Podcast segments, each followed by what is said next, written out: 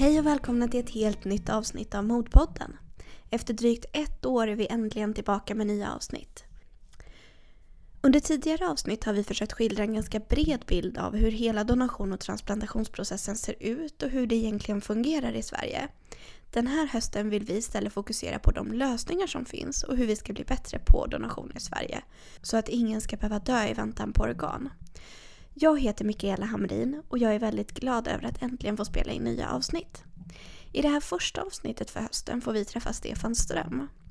Stefan är en mycket erfaren intensivvårdsläkare. Tidigare var han regionalt donationsansvarig läkare för Uppsala och Örebroregionen. Men vi träffar honom främst för att prata om DCD. DCD står för donation efter cirkulationsstillestånd och Stefan är medicinskt ansvarig för DCD-projektet i Sverige. Vi träffade Stefan för att prata om det här för drygt ett år sedan under tiden DCD-piloten fortfarande pågick på sex av landets sjukhus. Nu är själva piloten avslutad och idag kommer vi främst prata om resultatet av piloten. Vi kommer självklart prata mer om exakt vad DCD är för någonting och hur vi i Sverige ska kunna bli bättre på organdonation genom att implementera DCD. Här kommer intervjun med Stefan.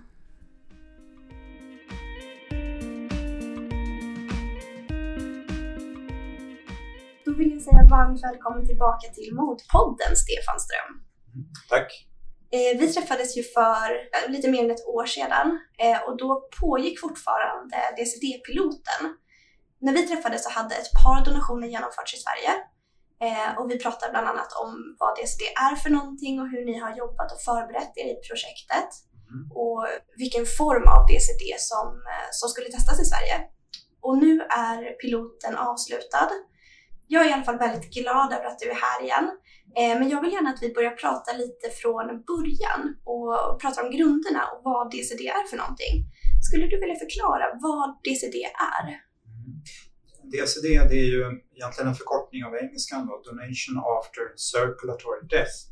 Och det har vi då i Sverige eh, översatt till donation efter cirkulationsstillestånd. Det vill säga att det är en donation organ från en avliden patient efter att hjärtat har slutat att slå och cirkulationen har upphört. Det är väl den korta varianten av vad det består i.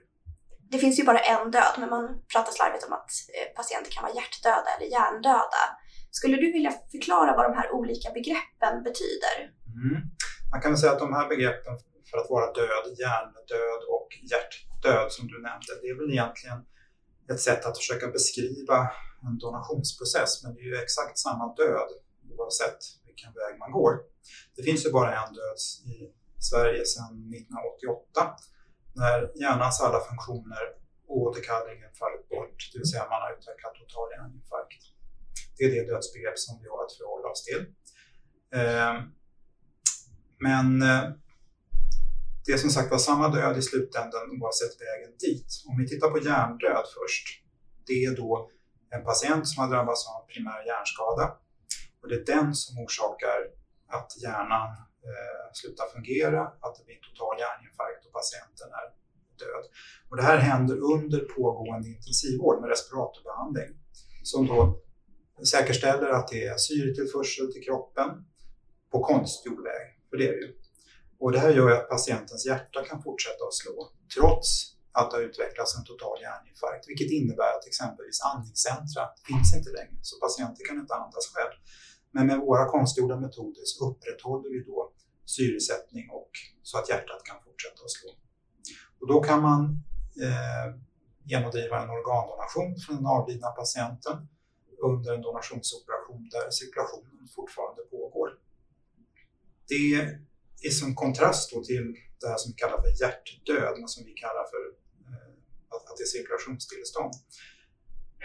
Hjärtat har stannat på patienten, cirkulationen till hela kroppen upphör och då blir det ju också en konsekvens att hjärnans blodtillförsel slutar och då utvecklas en total hjärninfarkt och patienten blir ju egentligen hjärndöd också om man nu använder det begreppet. Mm.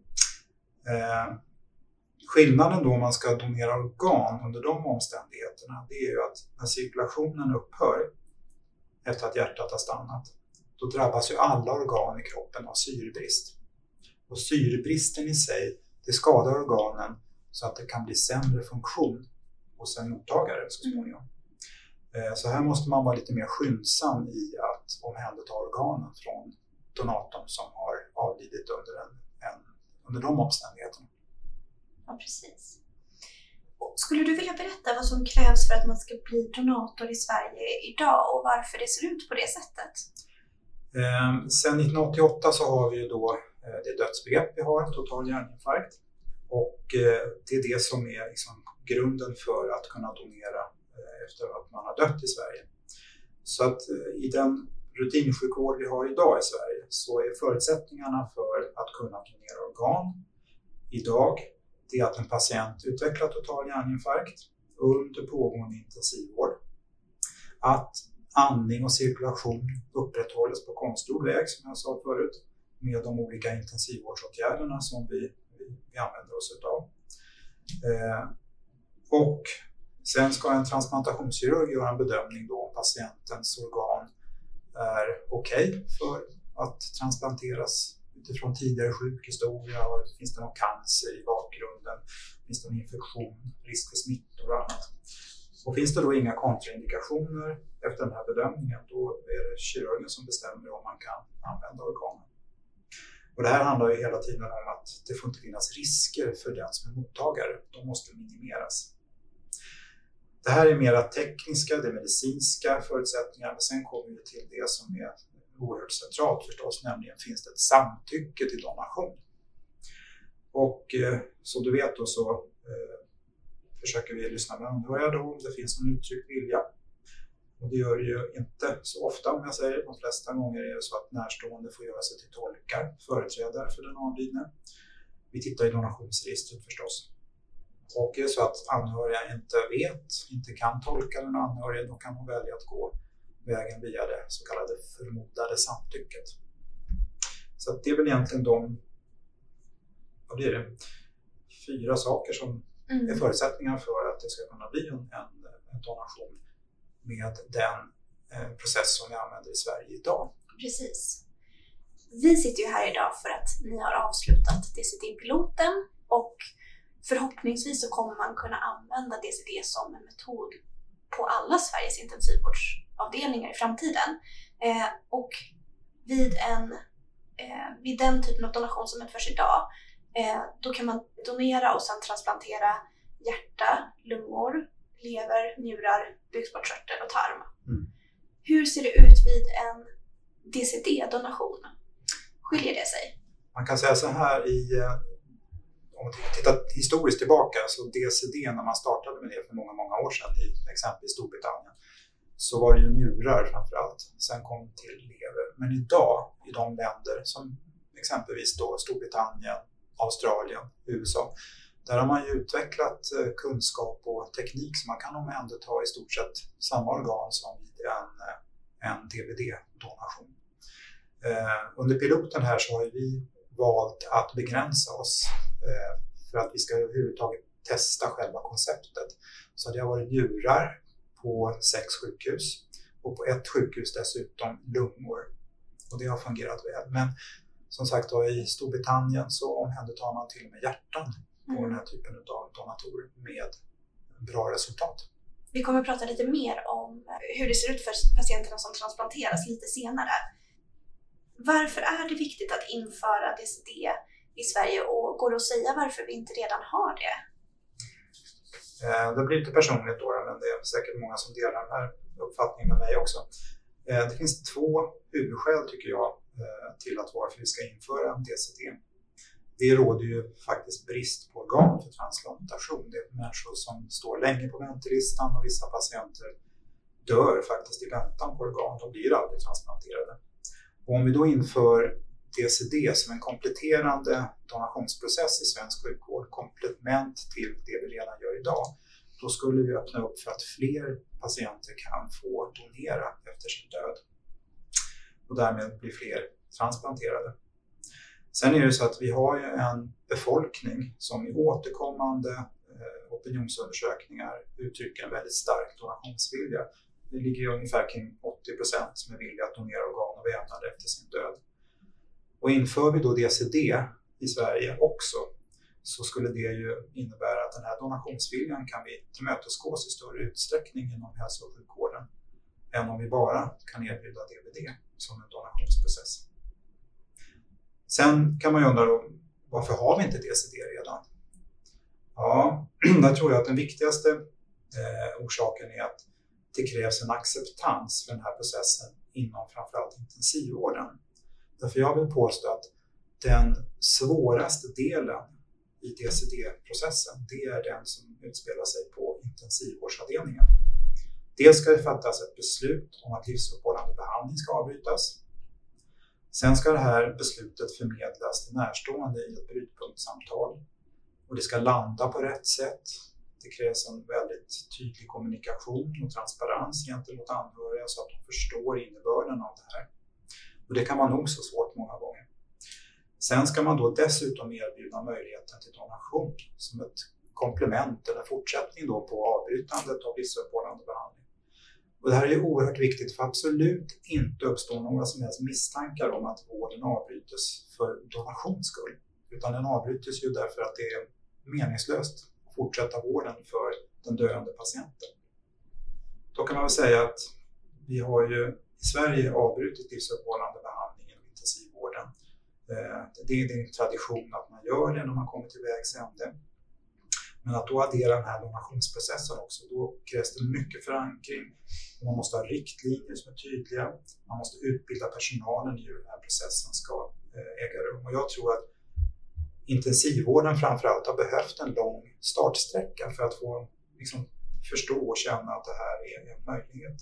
Så att det landar på rätt sätt. Men min känsla nu efter att ha medverkat i DCD-projektet nu sedan 2016, det är att intensivvården har mognat i den här frågan. Det är ett stort intresse. Det är, eh, mycket frågor, mycket funderingar, men det är på ett väldigt eh, ska jag säga, eh, bra sätt som jag känner. Under den här eh, DCD-piloten som vi har eh, då genomfört under ett års tid så har vi, det är i och för sig ett litet material, men jag tycker det är en intressant reflektion i alla fall som vi har gjort när vi har utvärderat de olika processerna. Och erfarenheten är den att vi har väldigt hög samtyckes samtyckesfrekvens, ungefär drygt 80-82 procent under DCD-piloten när vi ställer frågan om donation till närstående. Eh, och det intressanta här är att ett ja till donation som vi haft har aldrig följts av ett nej till DCD. Och det tycker jag är jätteintressant. Och det, mm spekulationen från min sida är att allmänheten egentligen inte så himla eh, komplicerar inte frågan om tekniken, hur man kommer fram till hela vägen till, till donation. Utan allmänheten är mera fokuserad kring, ska det vara donation eller inte? Mm. Medan sjukvårdens personal, och de har ju mera grubblat om DCD eller DBD, är det, är det lagligt, eh, är det etiskt försvarbart och sånt. Men närstående verkar ha en, en ska vi säga, en enklare, ett enklare förhållningssätt till frågan. Mm. Sen dessutom så är det så att när man gör en DCD-process så är det så uppenbart, anhöriga är ju med när vi avbryter vården och anhöriga ser när den nära och kära avlider och dör. Mm. Och då förstår man på ett annat sätt. Ja, det är klart. Och en fördom kring organdonation är att när en patient har möjlighet att bli donator då kämpar inte sjukvården längre för Eh, patientens eget liv. Utan man kanske jobbar för att det ska bli organdonation och så är det ju inte och det tyckte jag var bra att du tog upp. Mm. Att de potentiella donatorerna vi pratar om här, oavsett om det är DCD eller DBD, det är ju patienter som inte skulle ha möjlighet att, att överleva och gå ifrån en intensivvårdsavdelning utan det är ju patienter som skulle dö. Mm. Eh, oavsett, jag tycker det är viktigt att förtydliga. Mm. En fråga som som jag har funderat lite på det är krävs det några andra resurser eller andra utbildningar eller eh, någonting annat vid eh, om man ska införa DCD på, eh, på en avdelning mot om man bara jobbar med DBD-donationer? Det är väldigt centralt med eh, att all personal som är involverad i det här är noggrant utbildade i hur själva processen går till. Man behöver ha kunskap, djup kunskap, man behöver utarbeta checklister på sin egen avdelning för att all inblandad personal i skarpt läge ska veta exakt vad de ska göra. DCD-processen kräver mer skyndsamhet än vad en DBD gör. För där omhändertar man ju organen under en operation med fortsatt andning och cirkulation. Men vid DCD som du vet så har vi ju en patient där hjärtat har stannat och viss skyndsamhet krävs för att organen ska kunna användas då för eh, transplantation. Mm. Eh, så att det krävs utbildning, men väldigt tydlig utbildning. Och det är erfarenheten vi har från DCD-piloten. Att det krävs en gedigen utbildning och förståelse för processen från alla inblandade. Mm. Och det som också är viktigt är att man poängterar att i det här är det väldigt viktigt med teamarbetet. Och det är det egentligen i all sjukvård. Men här är det synnerligen väsentligt att alla fungerar väl i teamet runt om. Du snuddade lite vid, eh, vid olika missuppfattningar. Skulle du vilja berätta lite mer om, om vilka missuppfattningar som finns, kanske främst inom sjukvården och hur, hur du har bemött dem? Eh, som jag nämnde tidigare då utifrån vår ringa erfarenhet av de tio fallen vi har haft fullständiga DCD under piloten så tror jag att allmänheten, de grubblar inte så mycket på det här med vilken väg man går för att möjliggöra donation efter döden. Däremot så är det sjukvårdspersonalen som är mer grubblande, om man säger. Och en fråga som ibland uppstår, eh, som jag upplevde flera gånger tidigt under det att jag reste runt i Sverige och informerade om DCD, det var att eh, många sjukvårdspersonalen trodde att man skulle behöva ändra dödsbegreppet i Sverige för att mm. kunna genomföra DCD. Och det är inte alls fallet. Så det är en viktig eh, kunskap och informationsfråga. Sen som jag sa tidigare då att det viktiga med Mota Oligring i det här avseendet det är ju att man satsar på nationellt inför spridning av DCD en ordentlig eh, plattform, utbildning och kunskap. Det är det viktiga. Jag skulle vilja prata lite om Norge. Eh, Norge införde DCD för några år sedan skulle du vilja berätta lite om hur det gick och varför det gick som det gick? Ja, då kan vi säga så att norrmännen har ju, de började med DCD eh, långt tidigare än vad vi gjorde. Men de har gjort det på ett annat sätt. De hade en annan approach som man kan säga. Man startade med DCD på ett sjukhus lokalt. Det var ett begränsat eh, projekt, det var internationellt. Eh, man hade inte riktigt samma ska säga, nationella breda förankring och stöd från sjukvårdens huvudmän som vi har haft. Projektet var lokalt, men med tiden så har information spridits om DCD-projektet i Norge, om dess existens och sen började då vissa kritiker eh, uppmärksamma det här projektet och ifrågasatte det. Mycket på grund av brist på, på kunskap och information skulle jag gissa. Så om jag är rätt informerad så har DCD då stoppats i Norge sedan en tid tillbaka. Och där är det så att Hälsoinstitutet de ska genomföra en genomlysning av DCD ur olika aspekter, medicinskt, juridiskt och etiskt. Så att för stunden så eh, har man inte någon aktivitet när det gäller DCD i Norge. Så om vi då går och tittar på oss själva här i Sverige, då, hur har vi jobbat? Ja, ingången till DCD är helt annorlunda. I Sverige har vi faktiskt under många år haft en ganska offentlig diskussion om DCD och det är tack vare Annika Tibell som är transplantationskirurg. Och hon tog initiativ och arrangerade ett antal så kallade SOTA-möten, State of the Art-möten, där man bjöd in eh, föreläsare, eh, företrädare för donation och transplantation från andra länder som kom hit och berättade för oss här i Sverige vad DCD handlar om och resultat och, och ja, hur man gör. Så det var en viktig del. Och sen följdes det här av att Anders Milton, som var ansvarig för den så kallade förra donationsutredningen, han föreslog ju faktiskt 2015 i slutbetänkandet att Sverige borde faktiskt titta på möjligheten av att införa det vi kallar för kontrollerad DCD. Och det här stöttes sedan utav våra huvudmän. Eh, för DCD-projektet som jag arbetar inom, det startade ju 1 januari 2016 efter att det hade godkänts av Vävnadsrådet eh, som lyder under SKL.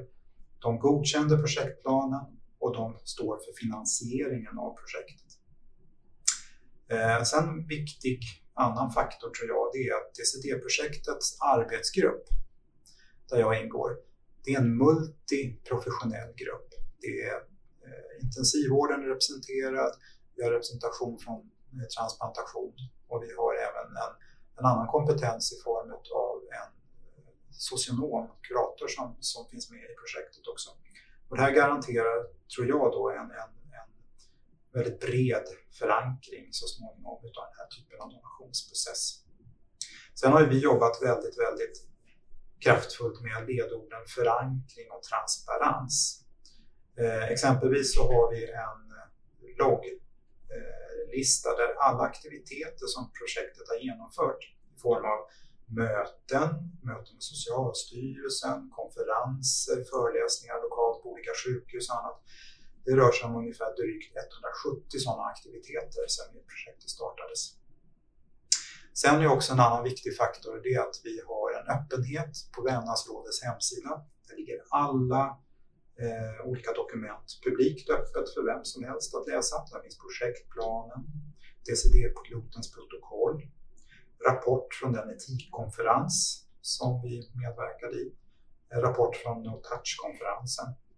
Och förra veckan då tillkom ju den preliminära slutrapporten som också ligger där öppet, plus ett justerat eh, DCD-protokoll som vi föreslår ska användas då vid omstarten på de DCD-pilotsjukhus som eh, tänker sig att eh, fortsätta med DCD-processer i sin verksamhet. Så det, är väldigt öppet och det här är en stor skillnad mot hur man har gjort i Norge. Mm. Och det tror jag är viktigt. Man kan tycka att herregud, måste det ta så lång tid allting och sådär. Men det finns en, om jag minns rätt, en dansk filosof som har sagt att ting tar tid, men då blir det också bra. Och det tror jag är jätteviktigt i det här mm. sammanhanget. För donation som du vet, donation och transplantation, det väcker mycket känslor och det är en väldigt ska säga, förtroendefråga det här handlar om. Och vi måste upprätthålla ett gott förtroende. Absolut. Och du var lite inne på, eh, eller du nämnde vilket protokoll Sverige hade valt, att det finns olika DCD-protokoll. Eh, och ni tittade på eh, bland annat Storbritannien, mm. valde att följa, följa den modellen. Varför är det just den här modellen man har testat i Sverige? Storbritanniens sjukvård är ju väldigt mycket ett föredöme när det gäller organdonation från avlidna. Man har ju satsat stora resurser i Storbritannien under många år. Om vi då tittar specifikt på DCD så har ju de, jag tror mer än 20 års erfarenhet av att arbeta med DCD inom NHS, alltså den engelska sjukvården. Eh, de är duktiga på uppföljning. Engelsmännen har ju genomdrivit införandet på ett som jag tycker exemplariskt sätt. Va? Det är transparens, det är förankring i alla betydelsefulla avseenden. Man har utarbetat konsensusdokument och guidelines som har spritt DCD i Storbritannien på ett mycket kontrollerat sätt. Och det är viktigt för att motverka bakslag. Eh, till exempel att ett sjukhus inte bedriver DCD på korrekt sätt. Då kan det ju bli liksom, negativ påverkan på donationer överhuvudtaget. Va? Eh, Utöver det här kan man säga att sjukvården i Storbritannien och Sverige i mångt och mycket är väldigt snarlik. Vården gäller struktur, regelverk, styrning, innehåll och sjukvårdskultur, om man kan använda det uttrycket. Hur man tänker helt enkelt i vården. Eh, och eftersom vi har valt i Sverige nu att titta på kontrollerat ECD så föll valet naturligt på Storbritannien. Eh, då jag bedömer att de besitter mest kunskap och erfarenhet av alla länder i världen egentligen när det handlar om den här donationsprocessen. Och när vi ändå pratar om andra länder så skulle jag vilja prata lite om Holland. Eh, för att när man tittar på statistiken i Holland över tid så har DCD ökat sedan införandet men DVD-donationerna minskat. Hur ska vi kunna se till att det inte blir så i Sverige? Mm. Det är en bra fråga. Den här frågan har ju transplantationskirurgerna varit oroliga för. Tänk om vi får samma effekt i Sverige. Så att i Nederländerna så, som du sa, minskar ju till att börja med DBD när man införde DCD. Och det är ju negativt av det skälet att en DBD-donator, åtminstone i uppstart av en sån verksamhet med DCD, så kan ju DBD-donatorn donera fler organ än DCD-donatorn. Eh, jag kan väl göra den liknelsen att man lite förenklat säger att i Holland så konverterade man möjliga DBD-donatorer till DCD-donatorer och avslutade livsuppehållande behandling snabbare Eh, därför att man lät inte patienten få fortsatt vård så att möjligheten till att utveckla total hjärninfarkt, eh, det, det kunde man liksom inte eh, se utan man, man bromsade tidigare. Eh, och det här är jätteviktig kunskap för oss och vi har haft med oss det under hela eh, projektet och det är inskrivet i pilotprotokollet. Det finns inklusionskriterier för en patient att aktualiseras som en DCD-donator och en viktig faktor är att ansvariga läkare ska göra en noggrann bedömning. Finns det potential om man fortsätter att bedriva intensivvården ett tag till att det finns en potential för att patienten utvecklar total hjärninfarkt under, under pågående intensivvård och därmed skulle kunna bli en DBD-donator. Så det är en viktig faktor. Och i piloten så har vi inte sett någon antydan till att det här skulle vara ett problem. Eh, så att medvetenheten finns och det är uttryckt väldigt tydligt i, i vårt protokoll. Så att det här är, det tror jag är omhändertaget på, på ja, det tydligaste och bästa sätt man kan. Ja, verkligen. Och när vi pratar, eh, vi har pratat en del om begrepp. Och ett begrepp som har kommit upp är någonting som kallas för en no-touch-period. Vad är det för någonting och hur kom man fram till hur lång den här perioden skulle vara? Eh, skulle du vilja dela med dig lite av dina erfarenheter av, av det? No-touch-perioden då, definitionsmässigt så är det den tid som löper från det att patientens cirkulation har upphört och döden konstateras. Och det här innebär att i ett DCD-sammanhang man avbryter livsuppehållande behandling. Man inväntar cirkulationen att det upphör, att hjärtat stannar. Sen under fem minuter så får man inte göra någonting annat än observera patienten. Och när cirkulationen har då eh, saknats under fem minuter, då kan ansvarig läkare eh, undersöka och konstatera döden. Och det är först därefter som man omhändertar organ under en TCD-process. Jaha, och varför har vi valt fem minuter då? Jo, det är ju väldigt mycket att internationella guidelines i majoriteten av länder som sysslar med DCD, de har eh, en touchtid på fem minuter. Och det är ju för att fem minuter anses dels vara en rimlig tid för att konstatera döden från det att cirkulationen upphört och också en rimlig tid för att inte organen som ska omhändertas blir skadade av syrebristen. Eh, Vävnadsrådet arrangerade i augusti 2017 en no-touch rundabordskonferens. Eh, och det var företrädare för professionen som inbjöds. Det var representanter från Socialstyrelsen och vi hade även inbjuden gäst i form av en mycket erfaren läkare från Storbritannien, Paul Murphy, som berättade om Storbritanniens erfarenheter utav fem minuters no-touch och eh, det som vi gjorde förutom att få ta del av engelsmännens erfarenheter var att vi också diskuterade utifrån kliniska fall. Hur gör vi egentligen idag i Sverige när vi konstaterar döden i andra sammanhang som inte har med donation att göra? Eh, I Sverige finns det i lag och föreskrifter ingen tidsangivelse när döden kan diagnostiseras efter att cirkulationen har upphört. Eh, men man måste ju ändå konstatera döden enligt föreskriften då med eh, så kallade indirekta kriterier. Så att konsensus från den här eh, röda bordskonferensen det blev att fem minuters no touch ansågs vara lämpligt. Eh, därför att det harmonierade väl med hur man i svensk sjukvård idag i alla andra sammanhang konstaterar en patient avliden.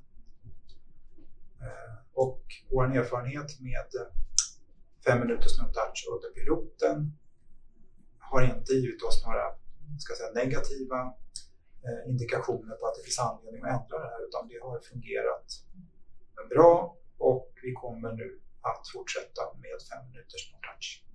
En viktig aspekt när man jobbar med organdonation oavsett på vilket, eh, om det är DCD eller DPT, det är ju att man hela tiden bär med sig eh, de etiska aspekterna.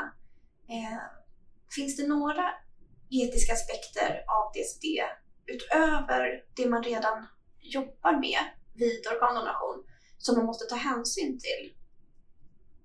Mm, absolut, det här är en jätteviktig fråga. Eh, det finns ett flertal etiska dimensioner som man måste beröra eh, när man arbetar med organdonation från avlidna. Och i DCD-sammanhang så är det så att Man får inte genomföra några interventioner, alltså någon form av aktiviteter med den döende patienten före döden som skulle kunna skada donatorn, orsaka smärta eller obehag.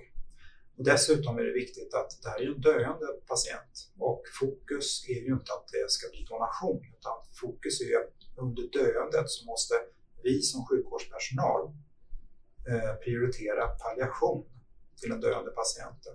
Så det, det får inte påverkas utav, av DCD-processen. Och sen är det också en annan viktig del i det här. Vilka ska leva kvar med minnet utav hur det här gick till på intensivvårdsavdelningen? Och det är närstående. Och de måste vi hantera på ett omsorgsfullt och hänsynsfullt sätt så att deras behov tillgodoses i den här svåra stunden. Så att de etiska aspekterna måste man verkligen eh, vårda och eh, ja, se till att det fungerar på ett så bra sätt som möjligt. Min sista generella fråga om DCD är, går det att säga någonting om vilka samhällseffekterna är eh, respektive om man kommer få ökade kostnader om man inför DCD nationellt? Samhällseffekter, alltså inom, inom ramen för DCD-projektet så har vi genomfört en omfattande hälsoekonomisk analys och det görs av en expert, det här är en vetenskap i sig som är ganska komplicerad. Och den här hälsoekonomiska analysen har då bekräftat det som man har sett sedan tidigare att eh, exempelvis njurtransplantation, det är ju lönsamt eh, rent ekonomiskt för samhället. Eh, och det är lönsamt i många avseenden för mottagarna också. Jag kan inte säga något i kronor och ören på rak arm, lönsamheten, men som sagt var Milton-utredningen, den första donationsutredningen, den lät jag också göra en ekonomisk analys och såg att det var lönsamt med njurtransplantationer. Och det består ju i att man kan avbryta eh, den kroniska dialysbehandlingen som är väldigt kostsamt om man har förmånen att bli njurtransplanterad vår hälsoekonomiska analys det visar att DCD-process, införande i svensk hälso och sjukvård, det skulle ge plus i finanserna i slutändan. Det är bra att förtydliga det också. Den, det finns en rapport, en uh, rapport från den här hälsoekonomiska analysen. Den ligger också på vår hemsida, så den kan man läsa igenom om man vill se lite mer detaljer. Jättebra tips. Um, om vi då går över på, eh, på resultatet för pilotprojektet. Det sattes ett mål innan man gick in i piloten. Vad var det här målet och varför sattes just detta mål? Eh, piloten startade ju i början på februari 2018 och avslutades sista januari 2019. Och eh, vår, vi hade flera mål kan man säga. Det första målet var att det skulle pågå under 12 månader. Och det vi hade gjort är att vi hade ju valt sex stycken pilotsjukhus som skulle vara med i det här i samverkan med transplantation. Och målet var att det skulle genomföras tio stycken fullständiga DCD-processer där vi kunde testa protokollet och hela processen från donation hela vägen till transplantation. Och i början av december 2018 då hade piloten redan uppnått målet 10 fullständiga processer. Hade inte det här målet uppnåtts in, inom tidsrymden 12 månader, då var man beredd att förlänga piloten. Men det behövde vi alltså inte göra. Och eh, man kan säga att målet med piloten var att testa DCD-pilotprotokollet nationellt i olika sammanhang, alltså på flera olika typer av sjukhus med lite olika förutsättningar när det gäller logistik och storlek på sjukhus. Vi hade en blandning av sjukhus. Det var mindre länssjukhus två stycken och sen var det fyra stycken eh, så kallade regionsjukhus. Då. Så att, eh, för det var viktigt att se hur fungerar det här i de olika sammanhangen. Mm. Du berättade ju att eh, man genomförde tio fullständiga processer. Mm. Hur många transplantationer blev det här? Mm. Tio patienter gick hela vägen till donation och sedermera att man kunde transplantera organ. Eh, och Nio av de här donerade njurar, men det slutade då med att det blev 17 njurpatienter som transplanterades och som slipper dialys. Eh, en njure fick man tyvärr kassera därför att en mottagare uppvisade eh, akuta infektionstecken så man vågade inte mm. transplantera. Sen har en lungpatient räddats till livet tack vare eh, DCD-piloten. Mm. Så att de här patienterna kan man säga de hade eh, möjligheten att bli transplanterade tack vare piloten. Precis. Under eh, pilotens gång, är det någonting som har förvånat er i projektgruppen? Ja, det som uppenbarades på de här sjukhusen under processerna det och i efterlevande samtal med närstående, det är hur väl närstående har accepterat processen. Men jag tror att det här är en viktig del, eh, det är en personlig tolkning, det är att anhöriga som är med om det här, har man landat i att vården ska avbrytas för att den är meningslös, och så är man med i det här och det är åtminstone någonting positivt, nämligen en donation i slutändan. Och sen är man med och ser hur patienten avlider. Man förstår att patienten är död. Det, det gör att det är i det här sammanhanget enklare för anhöriga att förstå allting än vad det gör när man sysslar med DBD inom vården. Och vi hade drygt 80% samtycke till donation som jag nämnde förut. Och eh, återigen påpeka att vi hade inga eh, anhöriga som sa ja till donation och sen nej till DCD, utan var det ja till donation så löpte man hela vägen. Detta trots att vi under piloten hade ett krav på att man skulle ha ett specifikt samtycke för DCD. Mm. Tror ni att era anhöriga skulle vilja donera under de här omständigheterna var frågan till anhöriga.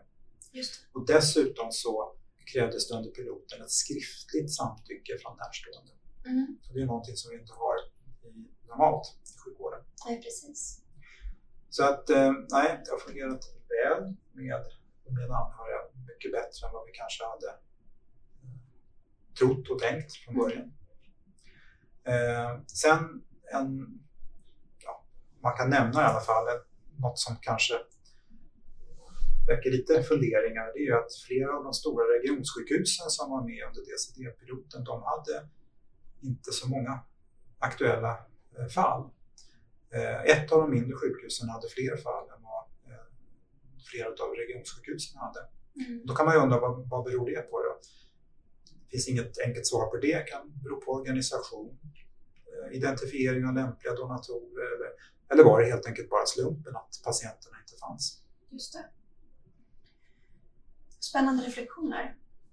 Eh, går det att säga någonting om hur projektet har sett ut eh, i frågor om hur många som har jobbat med det och vilka, vilka tjänster de har haft och vilka sjukhus är det som har varit involverade?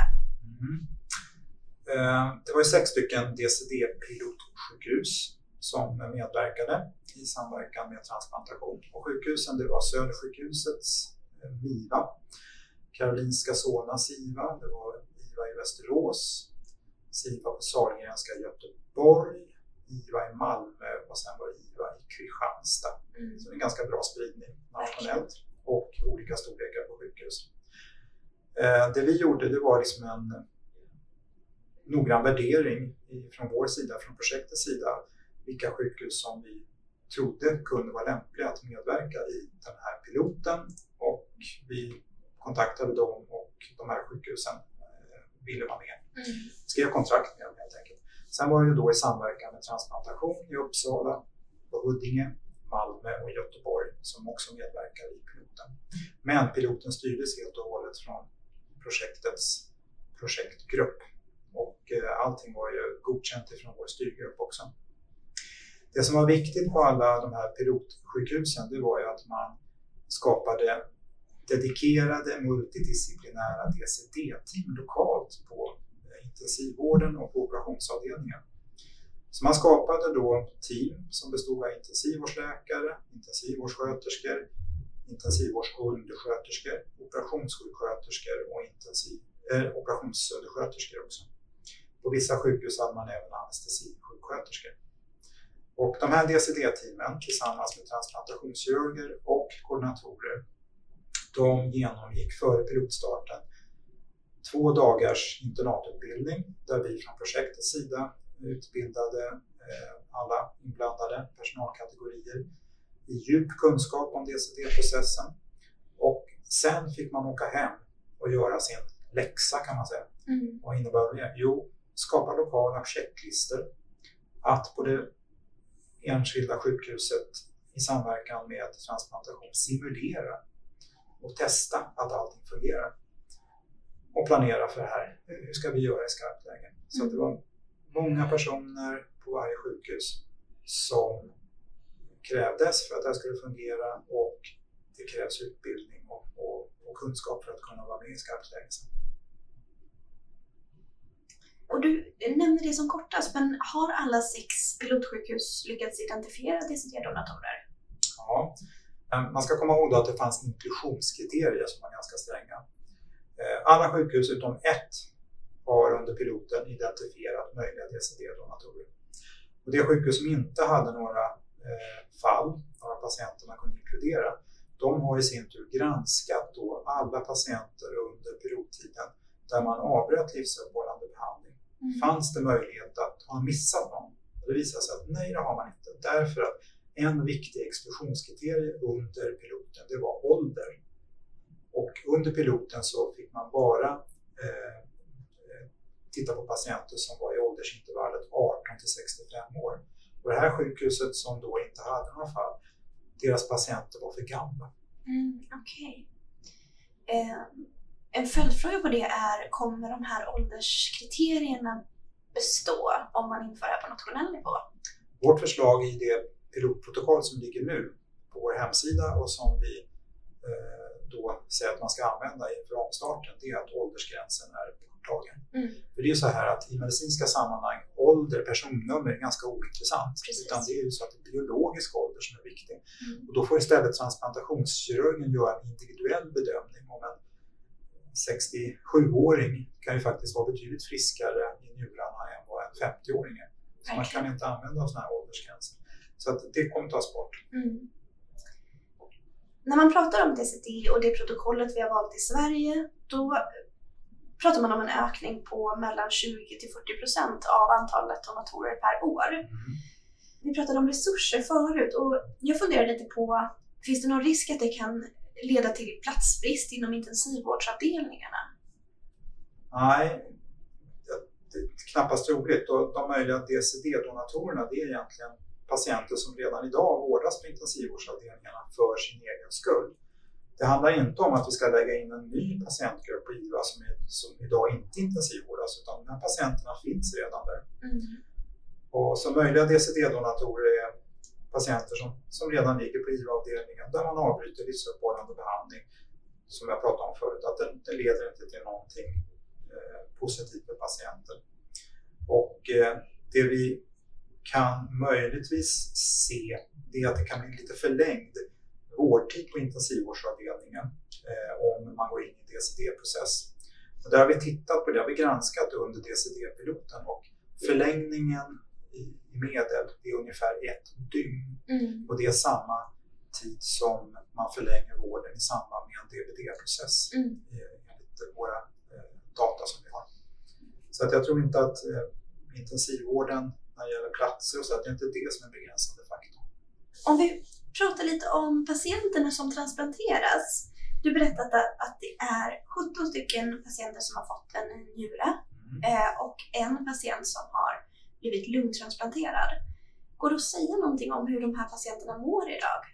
Ja, vi har ju uppföljning då eh, enligt ett protokoll med de här patienterna. Eh, de som är njurtransplanterade följs upp dels vid transplantationstillfället, två veckor, tre månader och tolv månader. Nu har vi ju två donatorer eh, som donerade organ i början på december förra året, så där har vi inte 12 månaders resultat. Men jag kan säga att alla 17 njurpatienter som har blivit transplanterade har ett mycket bra resultat. Så det är, det är positivt. Men det ska man komma ihåg, det här är kunskap som man har sedan tidigare mm. internationellt, det är att en DCD-njure kan vara lite trött i början och innan den startar igång ordentligt. Eh, så att man kan behöva ge stöddialys en tid efter transplantationen. Och det har man behövt göra med några patienter. Det, men det var inget förvånande utan det, det ingår i, i själva processen. Mm. Att så kan det bli. De långsiktiga resultaten är precis samma som vid en DBD-donation? Ja, det är ja. precis lika bra resultat. Det, det, tycker jag är bra att ha med sig. Speciellt om man som patient väntar på ett organ. Mm. Eh, att det här, de långsiktiga resultaten som faktiskt är de viktiga, att det mm. inte är någon skillnad. Nej. Och vi, vi har ju varit inne lite på det, men finns det några... Om man väntar på en njure idag till exempel, Ja. finns det några risker eller någonting förutom eh, precis uppstarten eller direkt efter en transplantation som skiljer sig om man tar emot en njure från en, en DCD-donator? Nej, alltså det finns ju risker med all medicinsk behandling, så Mm. är det ju. Men eh, vinsterna överväger ju. och Det, det vad jag har kunskap om, eh, det är ju att det är det här med behovet av stöddialys i början, det är väl det som skiljer egentligen från en, en DBD-njure. Och sen är ju vinsten att bli transplanterad som du vet, överväger ju helt och hållet för en njursjuk patient. Man får bättre livskvalitet och många kan gå tillbaka till arbete, yrkeslivet och dessutom vet man ju kunskapsmässigt idag att den patient som blir transplanterad har ju en förväntad längre överlevnad än den som tvingas att fortsätta med, med eh, kronisk dialys. Mm. För det är en ganska krävande behandling. Verkligen. Om man inför DCD nationellt, hur många extra transplantationer pratar vi om då? Ja, det är en, en bra fråga. Vi gjorde, innan vi startade vårt projekt, eller i början på projektet snarare, så gjorde vi en inventering 2016 under en fyra månaders period. Då inbjöd vi alla intensivvårdsavdelningar i Sverige att eh, hjälpa oss med att kartlägga i vilken omfattning avbryts livsuppehållande behandling inom svensk intensivvård. Vi hade ju känslan av att det, det skiljer sig inte från i England, för vi har samma sjukvårdskultur och sådär, men vi ville ha siffror på det här. Och utifrån de data som vi fick in eh, så har vi gjort vissa extrapoleringar. Då. Om alla större intensivvårdsavdelningar i Sverige införde DCD som en kompletterande donationsprocess till den idag som vi använder DBD så skattar vi att man i Sverige skulle kunna uppnå ungefär 40 till 80 donatorer ytterligare per år. Och teoretiskt då skulle det innebära 80 till 160 njurtransplantationer Mm. utöver de som görs redan idag. Och det är en avsevärd ökning. Verkligen. Finns det någonting du skulle vilja säga till de som lyssnar och väntar på ett organ just nu? Jag vet ju och förstår att många mottagare misströstar därför att väntan är lång innan man blir transplanterad. Men i framtiden så borde det här ljusna för patienterna på väntelistan och om DCD införs, eh, när det införs, för jag skulle vilja påstå inte om, utan jag känner mig ganska övertygad om att det här kommer införas successivt i svensk sjukvård. Då kommer ju faktiskt chanserna för patienterna på väntelistan att kunna bli transplanterade att öka. Mm. Så jag tror att man ska vara försiktig, positiv eh, framtidstro på detta. Skönt att höra. Och om vi ska spekulera, då pratar vi om vi pratar om 80 till 160 njur, extra njurtransplantationer varje år. Eh, på sikt kommer man också i Sverige, tror du, genomföra eh, lever Mm. och tarm och eh, även hjärta på sikt kanske? Att, att man ska komma ihåg att vi i Sverige vi är liksom lite nybörjare på det här. Ja. Men vi lär oss från engelsmän och, och, andra som har sysslat med det här längre. Så att exempelvis så kommer man från Göteborg och från Stockholm att eh, titta på möjligheten av att eh, använda lite mera avancerad teknik vid omhändertagandet av organen på operation som gör att man skulle kunna med större framgång omhänderta lever också. Och sen på sikt så tror jag säkert att Sverige kommer att kunna ta hand om hjärtan också. Så. Men det, det ligger längre bort att det är ganska tekniskt krävande och det är också väldigt resurskrävande att eh, göra det. Men det är, jag tror att det är viktigt att poängtera att det finns ju inga eh, juridiska eller eh, etiska hinder för att även omhänderta de organen. Nej, alltså allt vi gör, vi har ju valt ett protokoll Mm. som innebär att vi gör ingenting med patienten som säga, handlar om, om donation förrän döden är konstaterad. Det enda vi gör före döden är att vi utreder samtycket och att man gör en medicinsk bedömning om patientens organ är lämpliga för transplantation. Men i övrigt så är det ju en process med avbrytande livsuppehållande behandling som man gör oberoende av donation. Mm. Så det är väldigt viktigt att poängtera. Jättebra. Vi pratade ju lite om attityder inom sjukvården och om det har funnits missuppfattningar. Eh, och jag vet ju att du har jobbat ganska hårt med att informera om DCD i Sverige och även utomlands. Eh, skulle du vilja berätta lite om hur du har jobbat med det? Jag har ägnat ganska mycket tid åt framförallt 2016 och 2017 eh, att eh, informera brett i Sverige om DCD, vad det handlar om eftersom det har varit en hel del missuppfattningar. Eh, och missuppfattningarna som jag nämnde tidigare, det har ju rört bland annat det här med att man kanske behöver ändra dödsbegrepp när man inför DCD, vilket man inte behöver. Är det här lagligt? har en fråga varit. Är det oetiskt överhuvudtaget? Och det är ju så att det finns ju tvivlare både inom hälso och sjukvården och aktörer utanför professionen. Men med information, förankring och transparens så upplever jag att åtminstone sjukvårdens acceptans för DCD har ökat betydligt över tid. Och eh, eftersom jag då i projektet är intensivvårdsläkare, det är min bakgrund, så har jag haft huvudansvaret för att informera intensivvården om DCD. Så jag har lite skojat och sagt att jag har bedrivit en roadshow under flera år. Mm.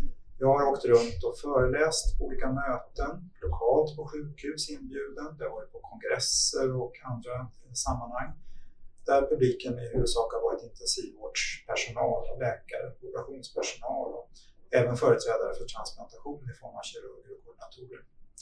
Och eh, jag brukar säga att jag har bott på SJ och på Scandic under två års tid. Jag har varit och rest från Umeå i norr ända ner till Malmö i söder för att informera sjukvårdspersonal om vad DCD handlar om. Och utöver det här så har vi också fått viss uppmärksamhet eh, i bland annat Dagens Medicin, Läkartidningen och en del facktidningar mm. som har intresserat sig för det. Just. Så det här är en viktig del utav projektet, att skapa kunskap bland eh, framförallt sjukvården, mm. hälso, hälso och sjukvårdens medarbetare. Fint. Eh, om vi blickar framåt, vad krävs för att vi ska kunna implementera DCD i Sverige? Det som krävs är att våra huvudmän efter DCD-projektets avslutande, och det, projektet avslutas ju i mars nästa år med en eh, nationell slutkonferens där vi kommer rapportera hela projektet och vad vi har kommit fram till.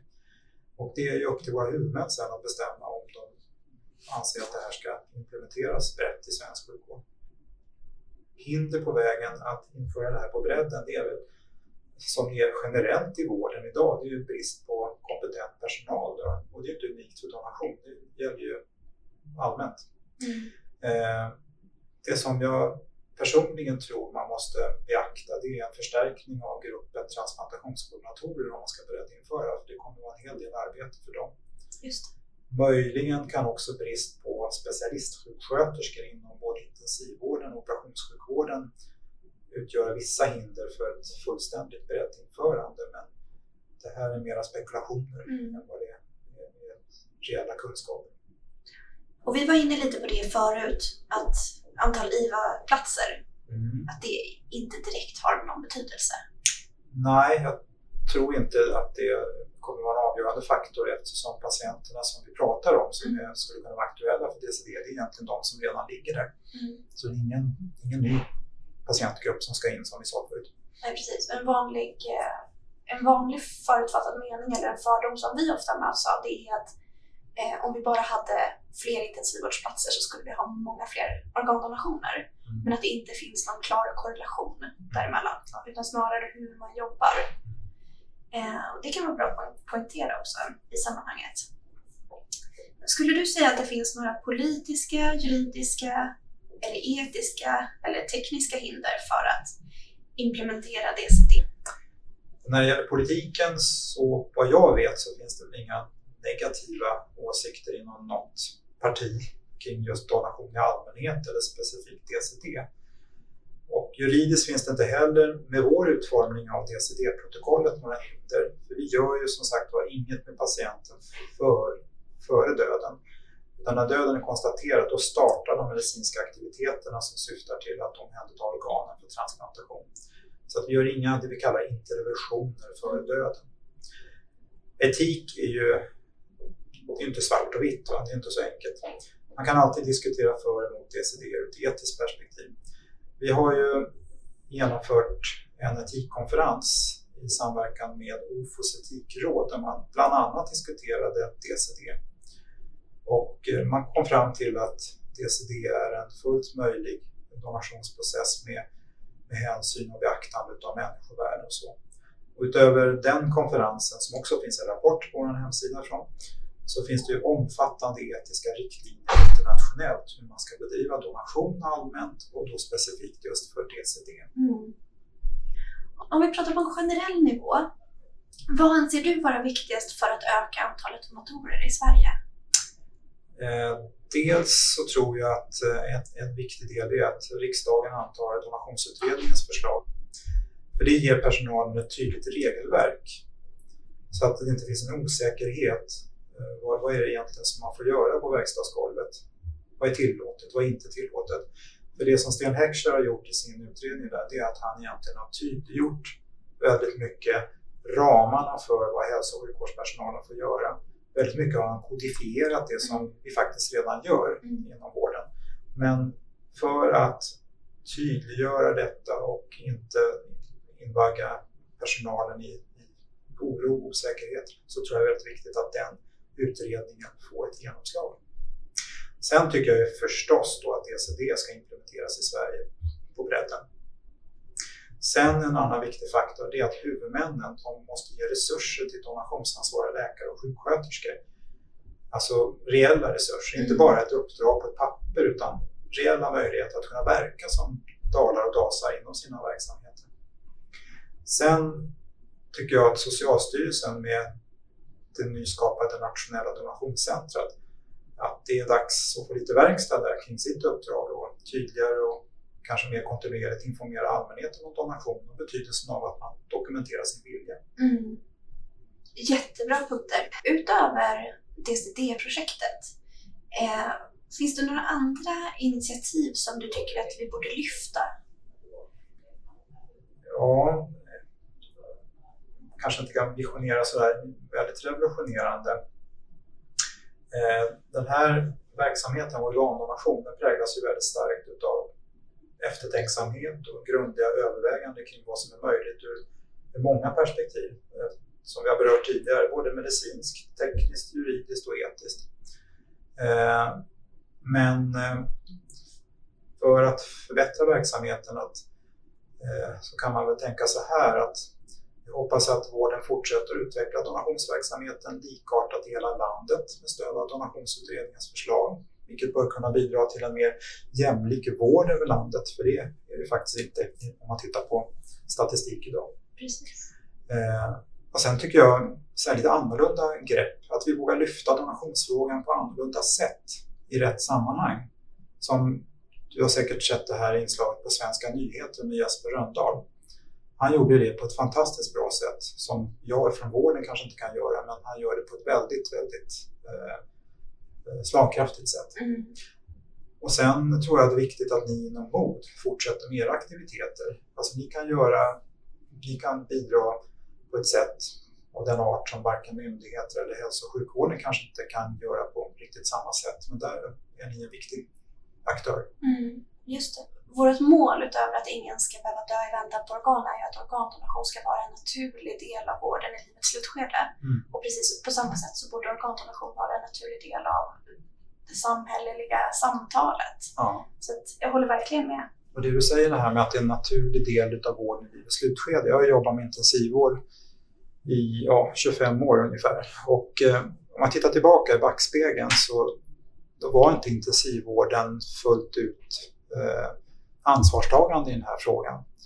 Eh, men det har skett en enorm utveckling under de här 25 åren där jag mm. känner att det finns ett stort engagemang inom intensivvården idag på ett helt annat sätt än vad det gjorde om man tittar tillbaka långt bak i tiden. Så att eh, det finns mycket som är, är på väg åt rätt håll och redan landat väldigt väl. Sen kan vi lägga till vissa saker som donationsutredningen och det här med ja, förhoppningsvis implementeringen av DCD också. Mm, verkligen. Bra sagt. Sten Heckscher föreslår att vi ska förtydliga reglerna kring organbevarande behandling. Ja. Eh, är det här någonting som kommer möjliggöra ännu fler DCD-donationer jämfört med om vi inte förtydligar regelverket? Om man börjar i den änden, att, liksom, vad, vad, menar man med organbevarande behandling? Va? Jo, med det avser man ju behandling som ges till donatorn med syfte att optimera organen som ska doneras och sedan transplanteras. Och syftet är ju inte att rädda patientens liv. Det är det viktiga. Det är det som är liksom, kärnan i vad organbevarande behandling är. Och den här behandlingen det är i huvudsak fortsatt intensivvårdsbehandling som patienten redan har. Och eh, utredningen ger förslaget att sån behandling ska vara tillåten, att syftet ska vara tydligt och att man ska vara transparent gentemot anhöriga och i hela personalgruppen. Vad är det vi sysslar med? Eh, DCD-piloten har vi kunnat genomdriva utan nytt regelverk, men jag tror att DCD kommer få ett... Alltså det kommer underlätta för DCD om den här förslagen i Sten Heckschers utredning om tydliggörandet av organbevarande behandling, vad det är, vad det består i, att det är tillåtet. Om man får det på pränt så att säga, då kommer det underlätta för införandet av DCD. Tror jag. Mm. Jättebra. Sen är det så här att det finns en viss osäkerhet hos en del personal inom intensivvården vad som är tillåtet. Och, och eh, om man nu tydliggör att organbevarande behandling är en del i det här då kommer det minska osäkerheten för vårdpersonalen. Mm. Och allmänheten kommer att få förstå innebörden, konsekvensen av vad är att säga ja till att donera sina organ efter döden. Ett samtycke till donation, det måste ju innebära vissa medicinska åtgärder för att möjliggöra donation. Annars är ju samtycket helt meningslöst. Mm. Eller hur? Verkligen.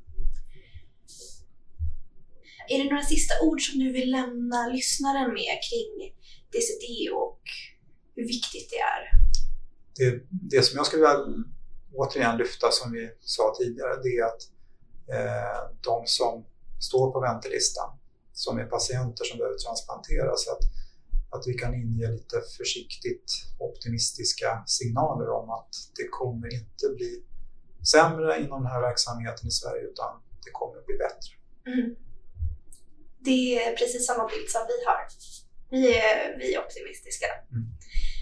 Stefan, tack så jättemycket för att du kom och träffade mig igen och pratade om de här frågorna. Tack för att jag fick komma. Självklart.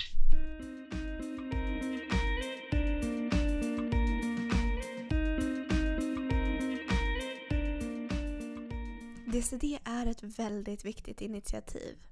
Genom att införa DCD kommer vi inte bara kunna öka antalet donationer och transplantationer avsevärt.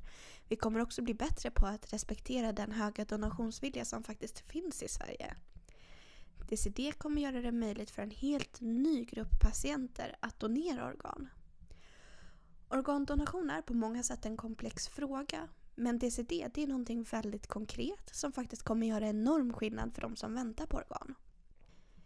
Jag hoppas ni tyckte det var ett spännande avsnitt att lyssna på. Hör gärna av er till podden merorgandonation.se om ni skulle vilja ställa några frågor eller ha tips på vem ni skulle vilja lyssna på i ett kommande avsnitt. Vi hörs!